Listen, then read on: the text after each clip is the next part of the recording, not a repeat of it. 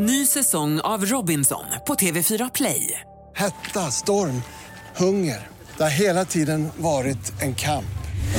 Nu är det blod och tårar. Fan händer just nu. Det. är Detta är inte okej. Robinson 2024, nu fucking kör vi! Streama söndag på TV4 Play.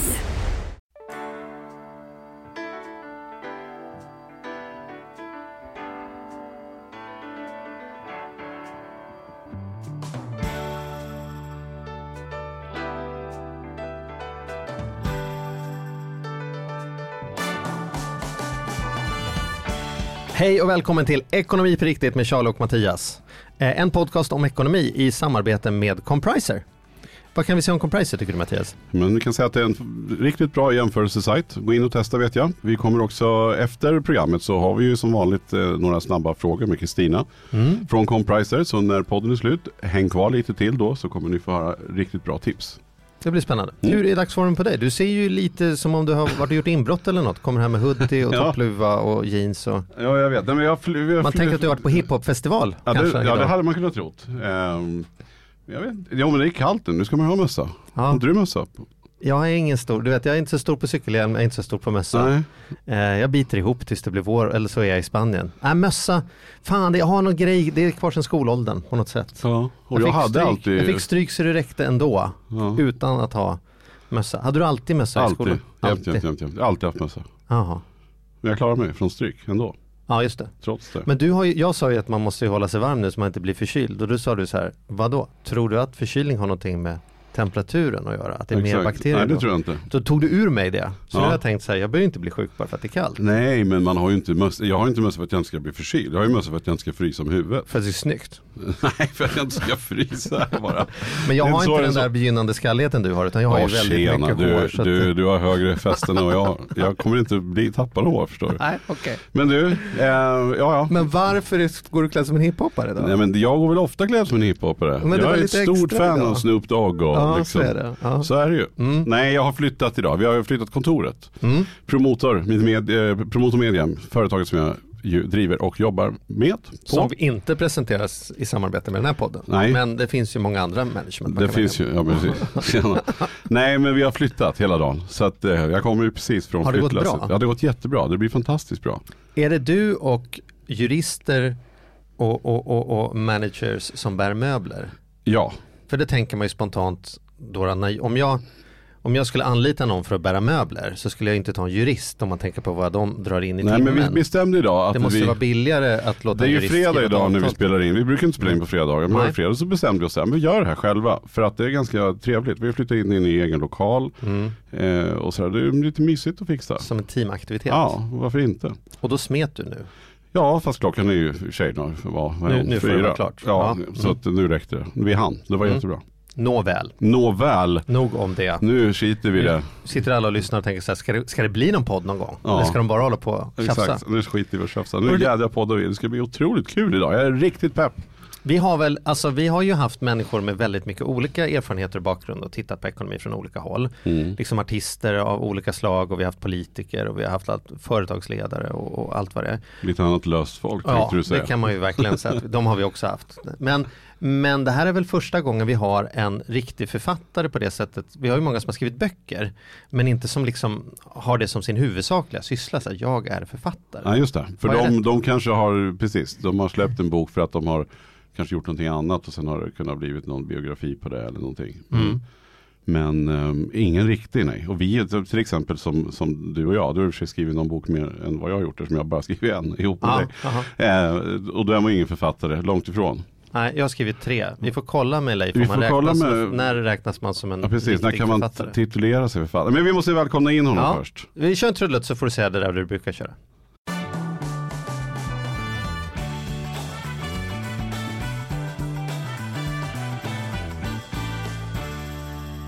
Välkommen in Leif Jakobsson!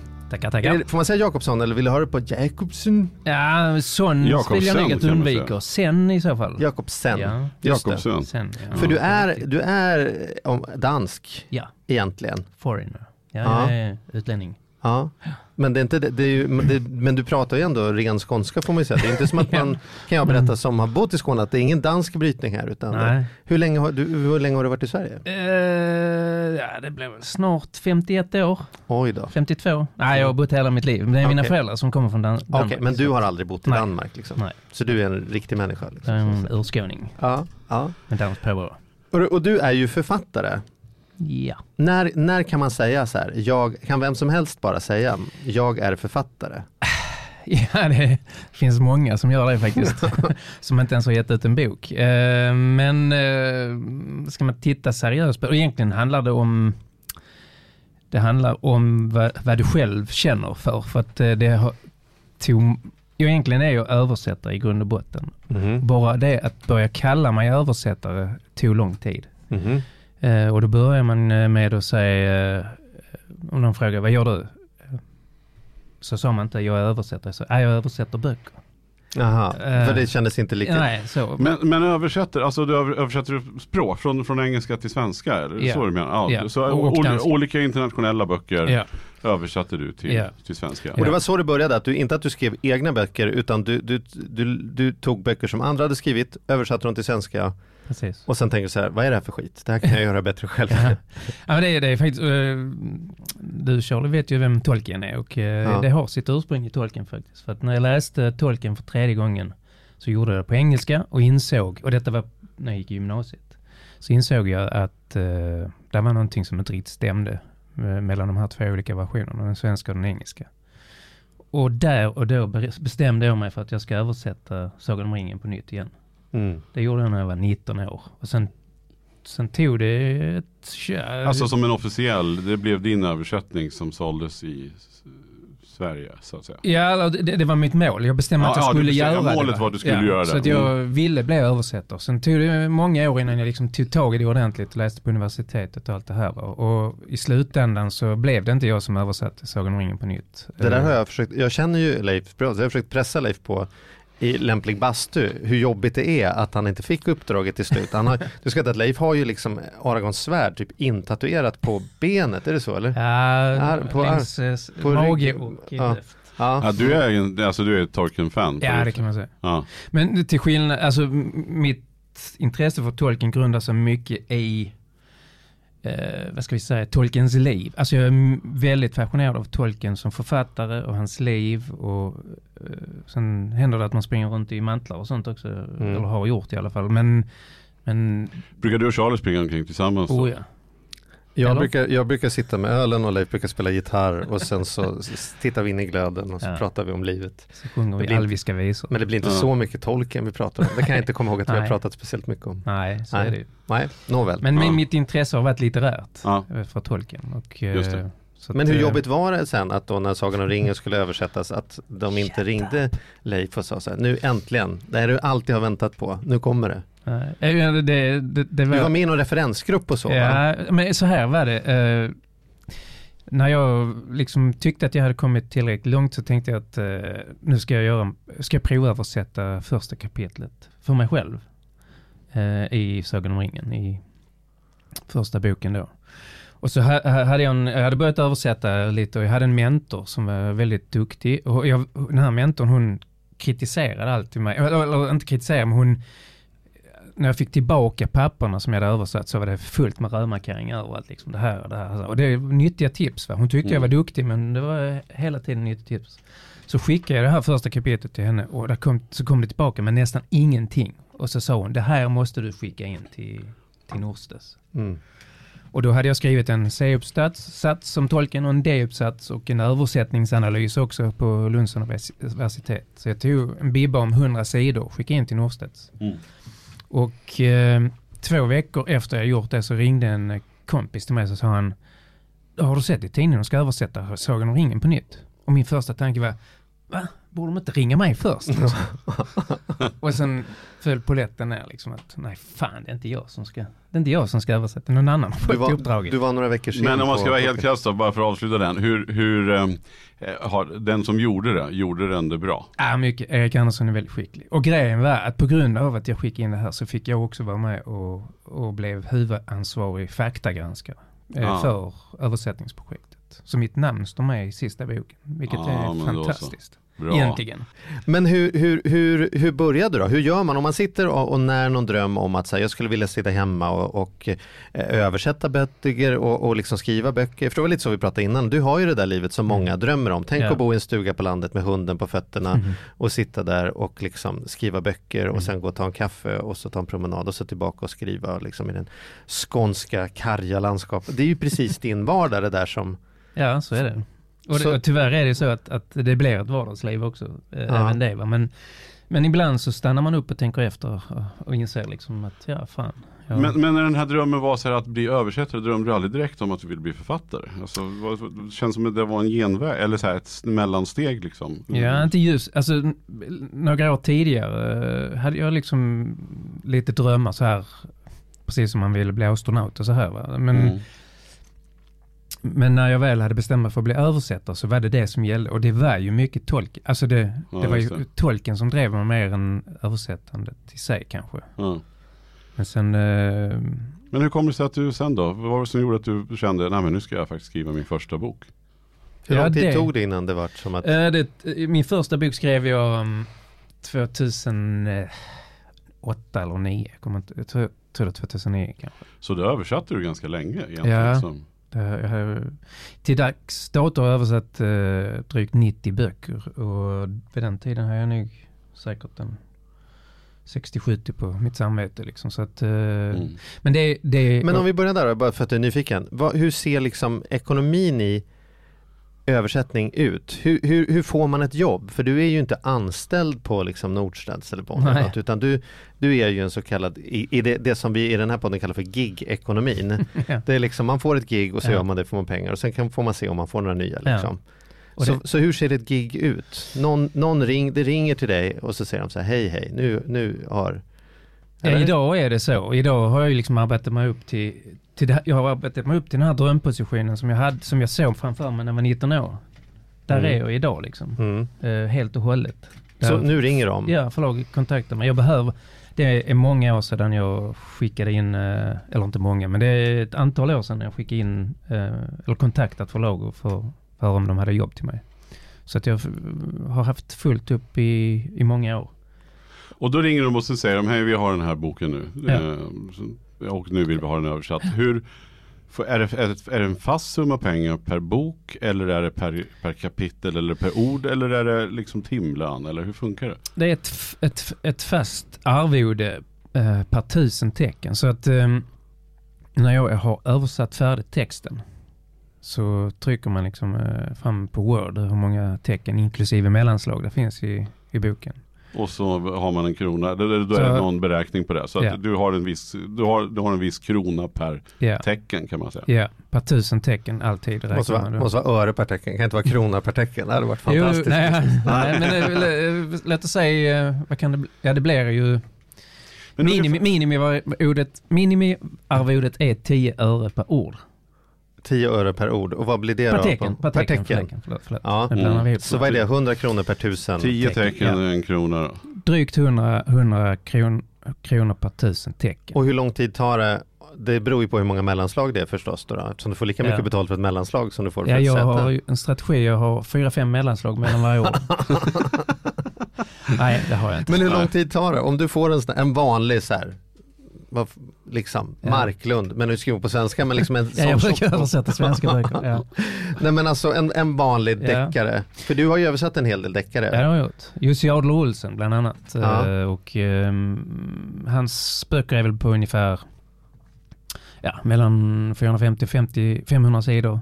Mm. Och en sån kan väl innehålla allt mellan, ja, mellan 800 och 900 000 tecken.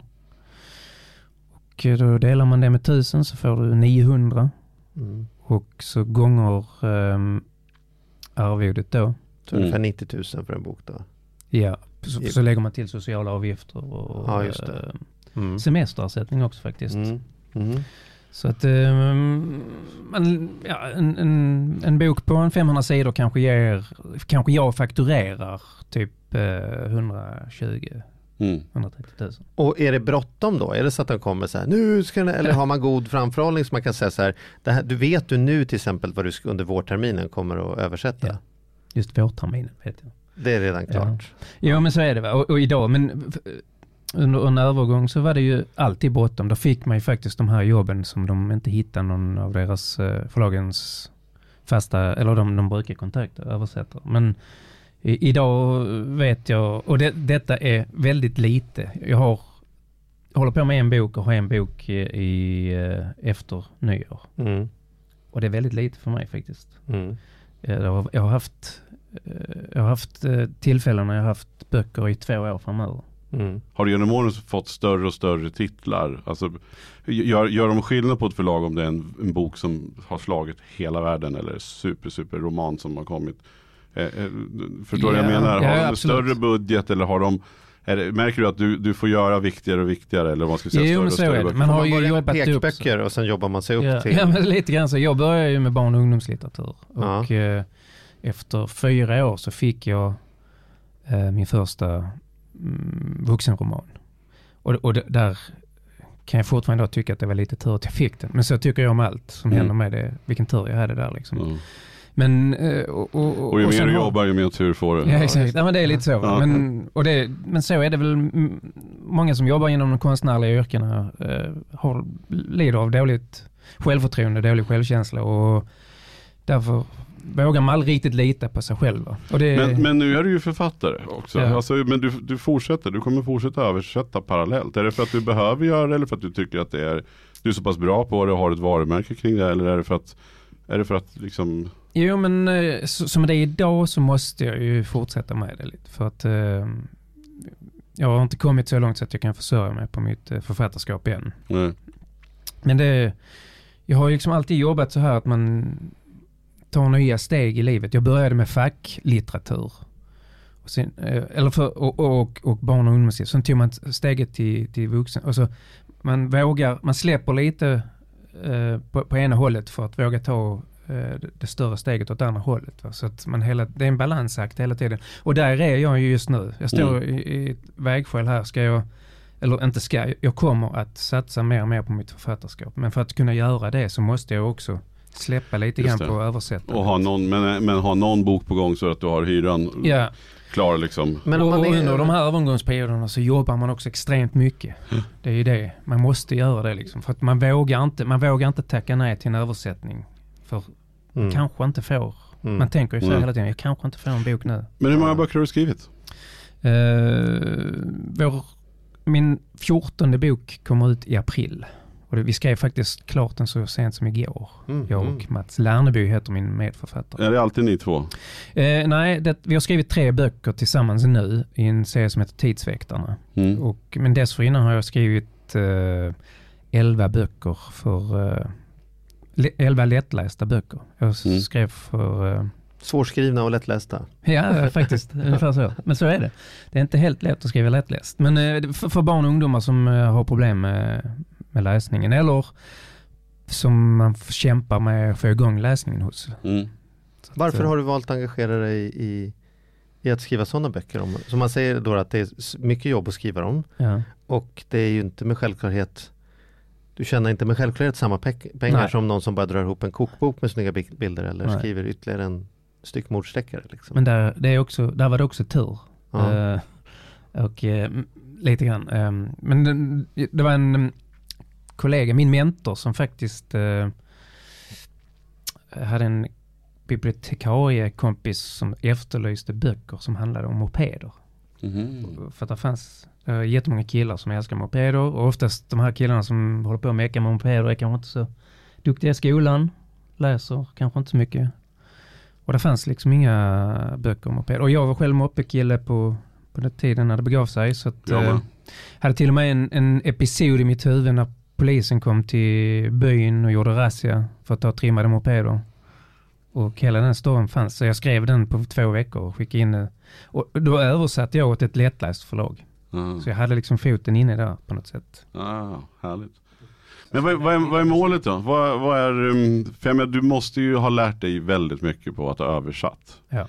Alltså snacka om att man går in i en bok. Ja. Jag menar, det är en sak att läsa en bok, men Ja. att sen översätta den. Alltså du måste ju ha fått med dig väldigt mycket. Ja, så är det. Och det man studerar, och just jag tror det, efter att jag började skriva själv så slog man över ytterligare ett annat läge där man faktiskt studerar författarna man översätter. Hantverket liksom. Hur, Ja, de- lite- hur lite väljer de så, att göra? ja. Så? Innan, Mm. innan var man, jobbar man med språket då och för att få, få en snygg handling och allt det här. Men nu, nu funderar man också mycket på, ah, vad gjorde han här? Och strukturer.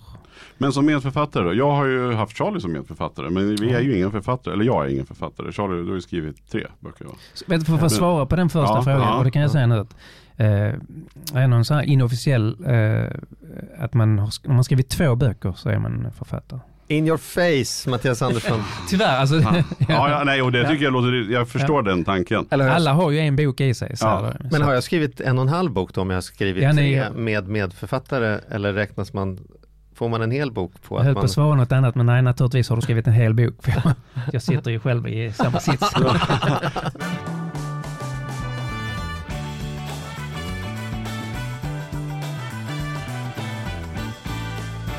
Du har ju skrivit böcker själv och du har Mm. skrivit böcker tillsammans med andra.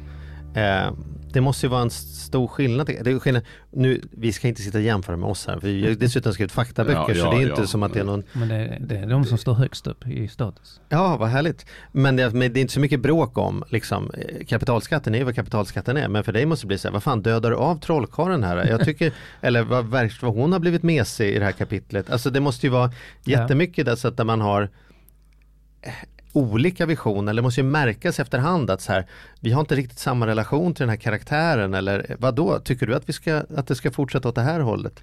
Alltså, Konflikt kallas det. ja men blir det så? Oh, ja. Ja. Och det, är- så är det va. Eh, Vi Hej, har... Ni hejar på olika lag i boken liksom. Lite så. Nej men vi, vi har haft, eh, vi, vet inte, vi har, ja, jämna mellanrum så kommer vi i konflikt liksom. Mm.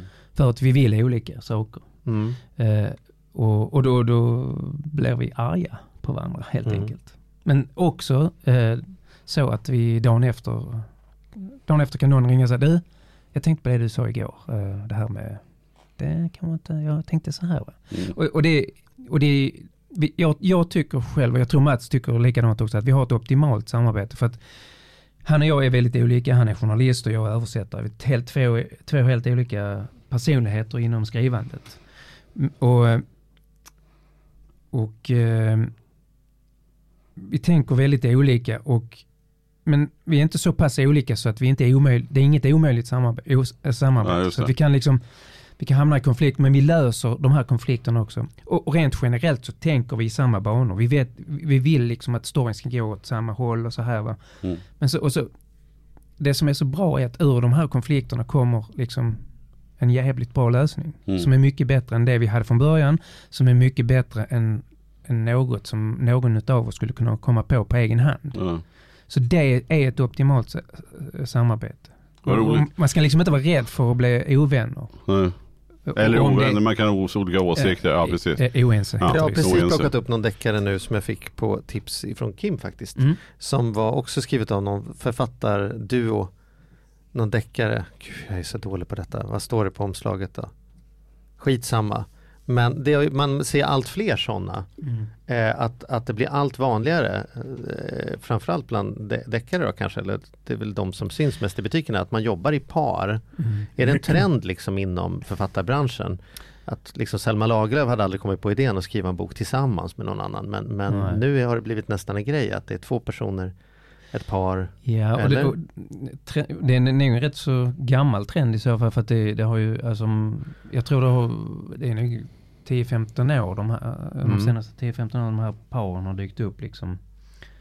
Och Kepler är ju ett utmärkt exempel. Det är ju eh, Två, ett två par. Mm. Ja, men eh, jag, Men- jag, men- jag tror liksom det handlar, jag tror, alltså för jag, för bara fem år sedan skulle jag aldrig komma på idén att skriva med någon. Mm. Men idag när jag skriver med Mats så tänker jag att det är så här jag vill jobba. För jag, det är så jäkla roligt och, och man får res, man är så nöjd med resultatet. Mm. Det är det Kul att dela glädjen med någon också. också. Alltså, Men du- Och bara en sån här sak nu när vi är i Stockholm och signerar hela helgen. Det, ska man gjort det själv liksom Mm.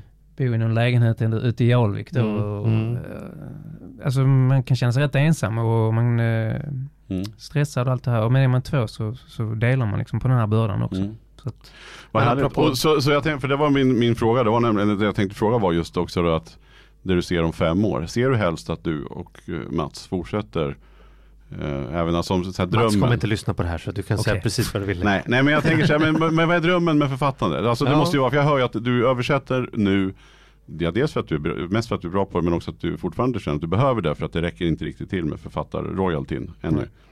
Eh, men i takt med nu att böckerna kommer att sälja mer och så. Så vad vore drömmen då? Är det att skriva en egen roman om tio år eller fem år? Eller är det att fortsätta med Mats? Ja, just nu, just nu Det har blir jag halva liksom, pengen tänker jag också, i royaltyn. Ja, så är det men eh, Eller får man mer eh, som författarpar eller? Det bryr sig inte förlaget om. Eller? allting, allting är ju en förhandlingsfråga och det, jag menar, när vår serie Tidsväktarna säljer eh, miljonupplagor så, så kan vi nog få ganska bra royalties båda två. Ja. Va? Men Men generellt är det inte så, kan jag inte, för jag har ju förhandlat Nej. rätt mycket bokavtal med mina klienter. Mm. Och där är det ju generellt inte så, utan då, det finns ju ofta en royalty. Mm. Och många kör ju ofta efter det här systemet idag som Piratförlaget drog igång, att man, man splittar lika lika mellan förlaget, när, alltså på vinsten av boken. ja. Vi ska gå tillbaka till ekonomin men jag ska inte shanghai själva frågan. Var ser du dig om fem år? Vad, Eh, vad pratar vi om då när vi träffas? ja, just nu så, så, så jag är så nöjd med samarbetet med Mats. va. Så jag, och vi har ju sagt att vi ska skriva kanske 10-15 böcker i den här serien. Mm.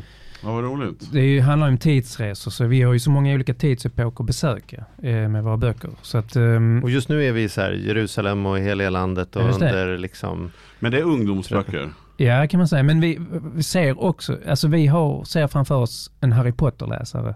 Mm. Och det, där vet man ju att man har de här Ja, ja, Charlie, 30 han läser ju böcker. ja, ja, som- 30-åringar som, och, så det handlar lite grann om, Tack för att du tittar på mig och sa 30 år. Men det är, också, är det också så att man ska växa med böckerna? För så är ju Harry Potter-böckerna, att för varje Exakt så. år så är den ju mognare och mognare Mm. skriven på något sätt. För, ja men så är det. Vi har tänkt att, att det ska vara, och eh, den ska bli mörkare och dystrare och eh, framtidselementet i hela storyn, alltså de som kommer från år 2632, mm.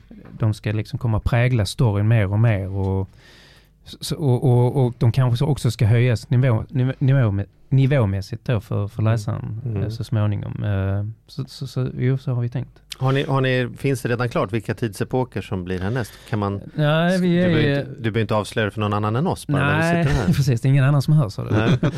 Eh, nej, men så här, trean kan jag avslöja eh, kommer att utspela sig år 1912 eh, ombord på Orientexpressen eh, mellan eh, Konstantinopel och, och Paris. Ja, häftigt. Och Det är ett när det var första då? Första var i Florens år 1504 med Da Vinci Ah. och Machiavelli. Och, och tvåan då eh, 1191 Mm. med Saladin och kung Rikard Lejonhjärta. Så, och, och, och fyran vet vi också var den ska utspela sig. Det får, man till och med, det får läsaren till och med veta i trean. Men Nej, det får inte har kommit ut än så tänker jag inte berätta. Och femman vet vi också. Mm. Men, men det är också så här att jag och Mats, har, när vi har suttit och planerat, så, eh, när vi har hållit på med eh, tvåan till exempel, så tänkte vi, ja, ja men då ska trean utspela sig där. Och sen när man nästan är färdig med tvåan så är det någon som säger, men du, eh, borde vi inte istället åka dit? Mm. Och så blir det så. Så att vi, vi kan Mm. aldrig riktigt lita på de här planerna vi har. att, eh, Men det är smart, måste vara smart att göra serier så att det sitter ihop. Det måste ju kunna öka försäljningen Ja. rätt bra. Har man, har man tre av de tre första eller om Ja. man har ettan, tvåan eller man har ettan Men det märker vi också nu. Vi signerade på eh, Akademibokhandeln Hötorget i, nu för några timmar sedan. Och eh, det är ju så att nästan alltid så säljer man ett ex av varje. va? Ja. Och så nu, nu säljer vi dubbelt så många böcker på en signering. Exakt. Som, så, Bra där. ja. Om man lyssnar och tänker att man har en dröm om att bli författare, hur tycker du att man ska, hur, hur börjar man? Om man, om man kanske inte är som du var 17 och tänker så här, den här ska jag översätta, utan men, men oavsett vad, man tänker så här, nej men det finns en bok i mig, Mm. jag, är, jag kanske är J.K. Rowlands i alla fall. Mm. Liksom. Hur, har du några liksom ledtrådar på hur sätter man igång? Vad, Menar du efter, efter man har skrivit den eller man, när man börjar skriva själva boken? ja, jag vet inte, ska jag börja med skrivaren eller ska jag börja med förlaget eller ska jag börja Ja. med, med, med synops? Alltså så här, hur, ja, ge mig Ja, liksom, jag vill Först breaka och främst, liksom, eh, är, är du inget namn och inte har skrivit några böcker innan så kommer du aldrig kunna sälja in en idé till ett förlag. Liksom. Mm. Eller, jag ska inte säga aldrig, men den, den sannolikheten är inte speciellt stor att du kan göra det. Va? Mm. Utan du måste komma med ett färdigt resultat. Eh, så därför ska du ju liksom, och, och, och där, synopsis är alltid bra att ha och jobba med. För att det är lätt att börja skriva en bok. Men det är också väldigt lätt att fastna efter ett tag. Och har du då ingen idé om hur du ska gå vidare så är det så lätt att man... Det, det blir liksom som en mur som du ska över och den muren blir bara högre och högre ju, ju längre man väntar liksom. Så därför ett synopsis och, och ett kapitel synopsis är perfekt va? för att skulle du fastna på kapitel i kapitel 1 så kan du bara hoppa till kapitel 4 för där, det handlar om något helt annat. Och ska, kan vi, ska, vi, ska vi också berätta för lyssnarna, vad är ett synopsis? Det är ett väldigt lustigt ord. Ja. Vad- Ja men det är ju ett, ett referat, en, en, en kort presentation. Alltså de, de kan ju ha ol- olika längd de här synopsis. Mm, Första gången, första gången man skriver ett synopsis så räcker det kanske med en A4-sida. Att skriva vad ska boken handla om från början till slut. Det är som en skiss på Ja. boken. Mm. Precis. Mindmap liksom. Mindmap. Mm, Ja, snabbgenomgången Ja. i melodikrysset. Och sen utvecklar man det här synopsiset hela tiden. Antingen liksom att, skriva en tio sidor lång beskrivning av eh, handlingen. Eller så gör man ett, ett eh, upplägg där man går igenom varje kapitel, vad det ska handla om. Mm. Men det kräver, ju- att göra just det kräver ju också att man har en väldigt god överblick över hur många kapitel man tänker skriva så här. Men är det ett vanligt nybörjarmisstag att man blir så sugen att komma igång med själva detaljskrivandet så man sitter upp liksom eh, håller på miljöbeskrivningar och hur regndropparna kändes i ansiktet och sen har man Ja. inte riktigt bestämt ens hur man ska landa det här flygplanet. Liksom. Så är det liksom. Och det, man måste, och och här ska jag själv säga att jag är ju en sån som gärna fastnar. Och det är, det är ju övers, språkmänniskan, översättar-Leif, som eh, Mm. gör det. Och därför är det så jävla bra att Mats, eh, som är journalist. Som, han kan liksom skriva 30 sidor på en dag. Ja. Sen är det ju ett väldigt rått, eh, en rå, väldigt rå version. Va? Mm. Men när jag får det i min hand att jobba med så det är ju perfekt. Ja, Då det gillar jag- du. Ja, oh. Ja. Alltså då kan, jag, då kan jag jobba, för då har man liksom, så därför, om, därför kan man ju själv ge sig det här råmaterialet och jobba utifrån. Mm. Mm. Via ett, ett synopsis då. Mm. Så när du har synopsis kvar så, så sätt, går du in i det. Och ju mer utvecklat det här synopsiset är, desto lättare är det liksom att börja skriva Just det. ordentligt.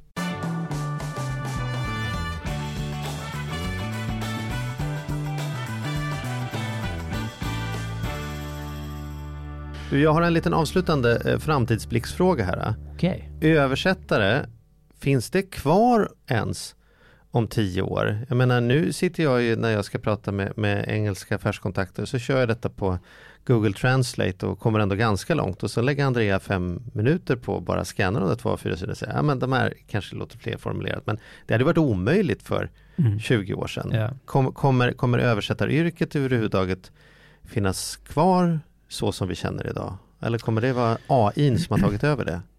Ja, det, är- svårt att säga. Det, det beror också på hur, hur mycket tekniken utvecklas. Men så länge just skönlitteraturen är ju säker än så länge. För att en maskin kan ju liksom inte semantik och sådana grejer liksom fixar den ju inte. Och ironi, hur ska maskin fatta ironi? Mm. Sådana saker. Ehm, så att, men det, vad, vad vet Men jag? du kör om- inte dina texter från engelska eller danska till genom Google Translate Nej. först och sen så... så jag det vet inte- ju inte. Nej, inte men den det- första men- som kör det där skämtet. Det, Det var inget skämt. Det var, Nej jag vet, det, var- värsta- det värsta är att det inte var något skämt. Nej, jag vet, men det är många som tycker om att skämta om det. Ja. Men, jag nej, men så men, jag det. menar apropå den här råtexten från Mats på 30 Ja. sidor så hade ju det också varit så här. Skönt, Ja. här har jag åtminstone fått råtexten. Det här är en Jo, dålig översättning ja. men det är en översättning. Ja. Nu gör jag den riktigt bra. Ja. Men så jobbar man inte. Så här, Nej, men det, det är också det här med stolthet och... Mm. Vad är Så- svårast översättare? Jag måste bara ta det här. Vi, det är så, alltså, vi, det är så, man glider så lätt in för jag är så Ja. nyfiken på det. Det är Ja, ja. spännande. Även om vi är en ekonomipodd. Men det är Ja. ändå så roligt. Jag, jag måste bara fråga, vad är det svåraste att översätta? Alltså, och, och, och kunna få det. Eh, alltså om du tänker, är det, en, alltså, är det känslor eller är det fakta eller är det eh, ja, jag vet inte riktigt vad jag, jag vet inte knappt själv. Nej, och jag, men- jag vet nästan faktiskt inte riktigt vad jag ska svara heller för att... eh, jag kan inte riktigt... Alltså men, men om, när om, man är om vi ska inne i jämföra man är inne i en text. självbiografi eller om man ska översätta en Tolkien så, så måste det ändå vara två olika saker. Ja. jag. Jo, så är det. Men när man, när man är inne i, alltså när du börjar jobba med en bok och är inne i en text, så, då, då är det det som gäller. Va? Och då, ja, så här, när man, när man får en förfrågan. Jag fick för, för något år sedan fick jag en, eh, då skulle jag översätta en dansk eh, fackbok. Det var den danske Säpo-chefen som hade skrivit en bok om sina år inom, eh, som Sä- Säpo-chef.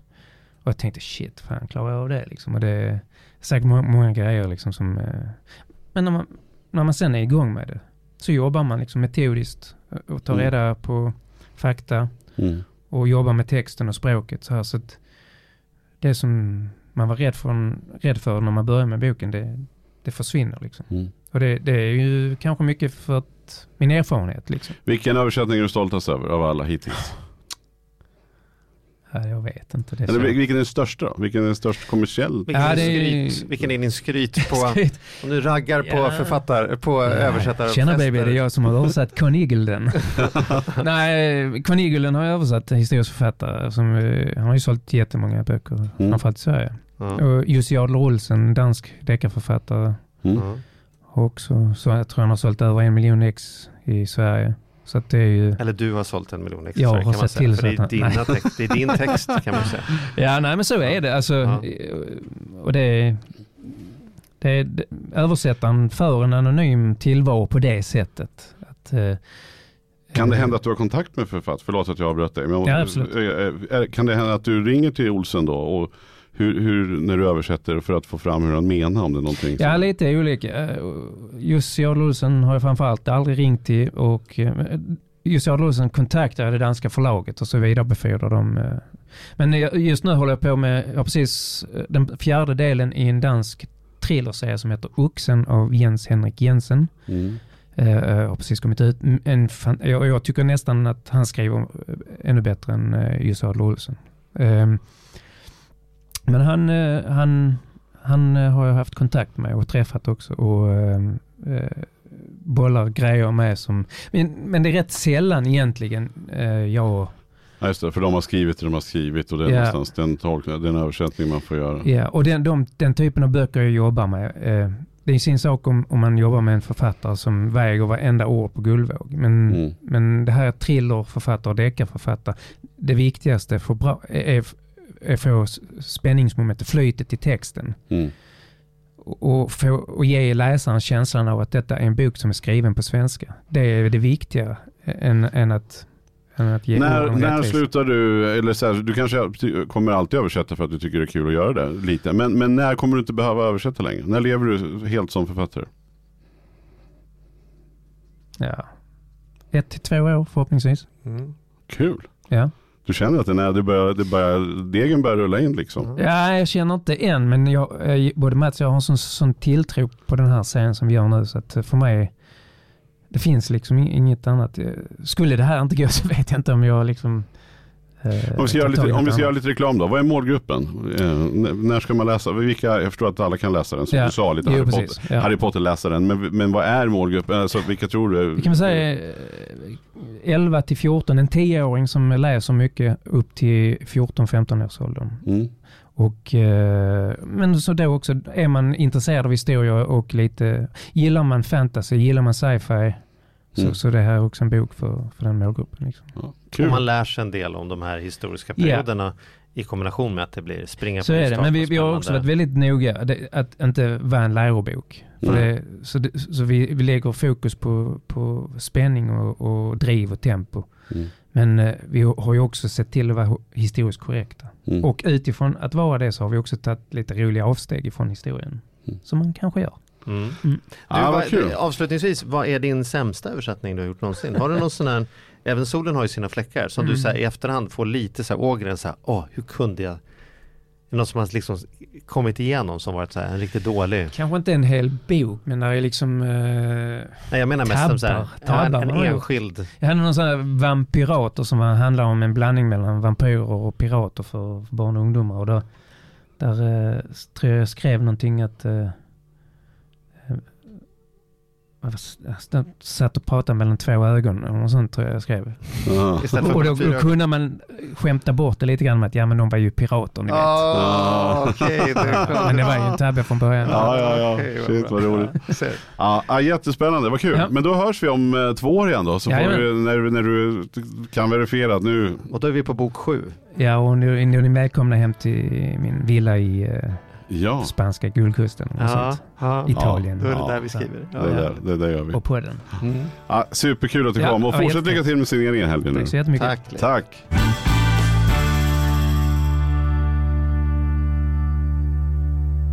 Veckans snabba den här veckan med Compriser. Kristina, Ja. vad ska vi få sätta tänderna i den här gången? Tänkte vi ska prata om privatlån. Vad är det? Är inte alla lån privatlån som jag har, tänker jag? Ja, det kan man ju säga, men, men bolån är ju eh, en bolån med liksom en, en säkerhet i din bostad. Eh, har du säkerhet i andra saker som bil till exempel eller inte någon säkerhet så är det privatlån. Det som blanko. jag, min gamla gubbe, kallar för blankolån då? Precis. Ja, Precis. bra. Vad, vad, vad kan vi göra här då? Berätta, hur ska vi Ja, tänka? det viktigaste är ju förstås att tänka över, behöver du verkligen ha det här lånet? Eller kan du spara ihop pengarna eller kan du vänta med att köpa den här saken du vill eller så. Det är det absolut viktigaste, att försöka att inte spendera pengar du inte har. Men ibland kan man behöva, man kan behöva kanske köpa en bil eller man behöver låna för att kunna köpa en bostad eller någonting. Så då, då finns det andra saker man ska tänka på. Men man ska tänka två gånger innan man ens kliver in i lån utan säkerhet. Verkligen. Varför är de här lånen farligare eller värre? De har ju väldigt mycket högre ränta. Och ofta är de på kortare tid så det är ganska stor avbetalningsplan. Så att det blir väldigt dyrt. Men nu måste jag ha ett säger vi då. Hur Ja. gör jag då för att få ett bra? Hur ska man tänka? Ja, först kan man ju titta, finns det utrymme i sin bostad? För bostadslånen har ju mycket lägre ränta, så om man har ett utrymme där kan man ju låna. Man får ju vara lite uppmärksam på eh, amorteringskravet som nu finns, om man kommer då över någon typ av nivå, så att man vet vad det är man gör, så att man vet att man har de pengarna. Kan man in, har man inte utrymme då på sitt bolån, då ska man gå till flera aktörer, flera banker och kolla. För räntorna skiljer sig rejält. Så gå inte bara till den bank du har ditt vanliga engagemang med, utan gå till flera. Men får man hem ett sånt här brev som säger att här kan du billigt låna 350 000 kronor, tänker man så här, det här kommer lösa alla mina problem. Innan man gör det ska man gå till sin bolånebank och säga, kan ni hjälpa mig med de här 350? Precis. Även om räntan ser väldigt bra Precis. ut på det där direktreklamutskicket kortsiktigt. Och man Eller- behöver inte skämmas och gå till sin bank om man nu verkligen, verkligen behöver det här lånet. För det tror jag många gör och då kanske betalar en högre ränta istället. Verkligen. Nej, absolut. Det är, det är inget att skämmas för. Det är, det är väldigt många i Sverige som har privatlån och det, det, det är bra att det finns. Men man kan också ha, använda en jämförelsesida så att man kan liksom få jämföra mellan alla dessa banker och få se veta vilken ränta är bäst för mig och så tar de bara en eh, kreditupplysning, vilket är bra. Är det mycket individuell räntesättning här eller är det mycket listränta? Kan man förhandla mycket på räntan? Det är ganska indi- individuellt och eh, bankerna har väldigt olika sätt de räknar det här på så det är därför det är viktigt att gå till flera. Bra. Har vi något mer råd? Eh, ja, om man har fler lån. Det är ju, man ska ju försöka bara ett privatlån om man nu har privatlån. Har man flera så är det ofta olika räntor, olika bindningstider och sånt och då är det ofta så att om man samlar dem så kan man få ner räntan rejält. Så kolla om du kan samla lånen till ett lån eh, så kommer du kunna spara pengar på det. Här måste nästan du få sista ordet Mattias, för jag vet att du har ju starka åsikter här. Ja, men jag har ju svårt, jag har jättesvårt för privatlån överhuvudtaget. Men jag fattar att det finns lägen där man faktiskt kan behöva det. Det kan, det kan dyka upp saker. Ja. Men fan inte till konsumtion rent Nej, ut sagt. Eh, och, och tro inte att man kan lösa saker genom att bara säga ah, men då packar jag ihop det på mitt bostadslån. För så enkelt är Nej. det ju inte. Tänk men jättebra tips. Yes. Tack.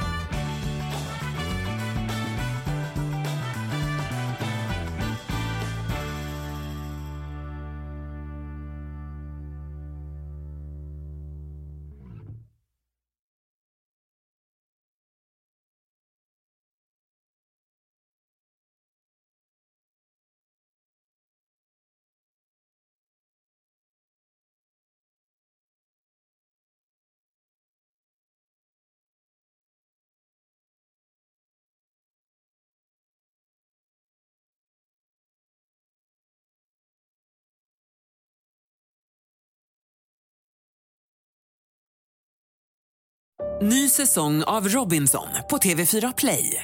Hetta, storm, hunger. Det har hela tiden varit en kamp. Nu är det blod och tårar. Fan händer just nu. Det. är Detta är inte okej. Robinson 2024, nu fucking kör vi! Streama söndag på TV4 Play.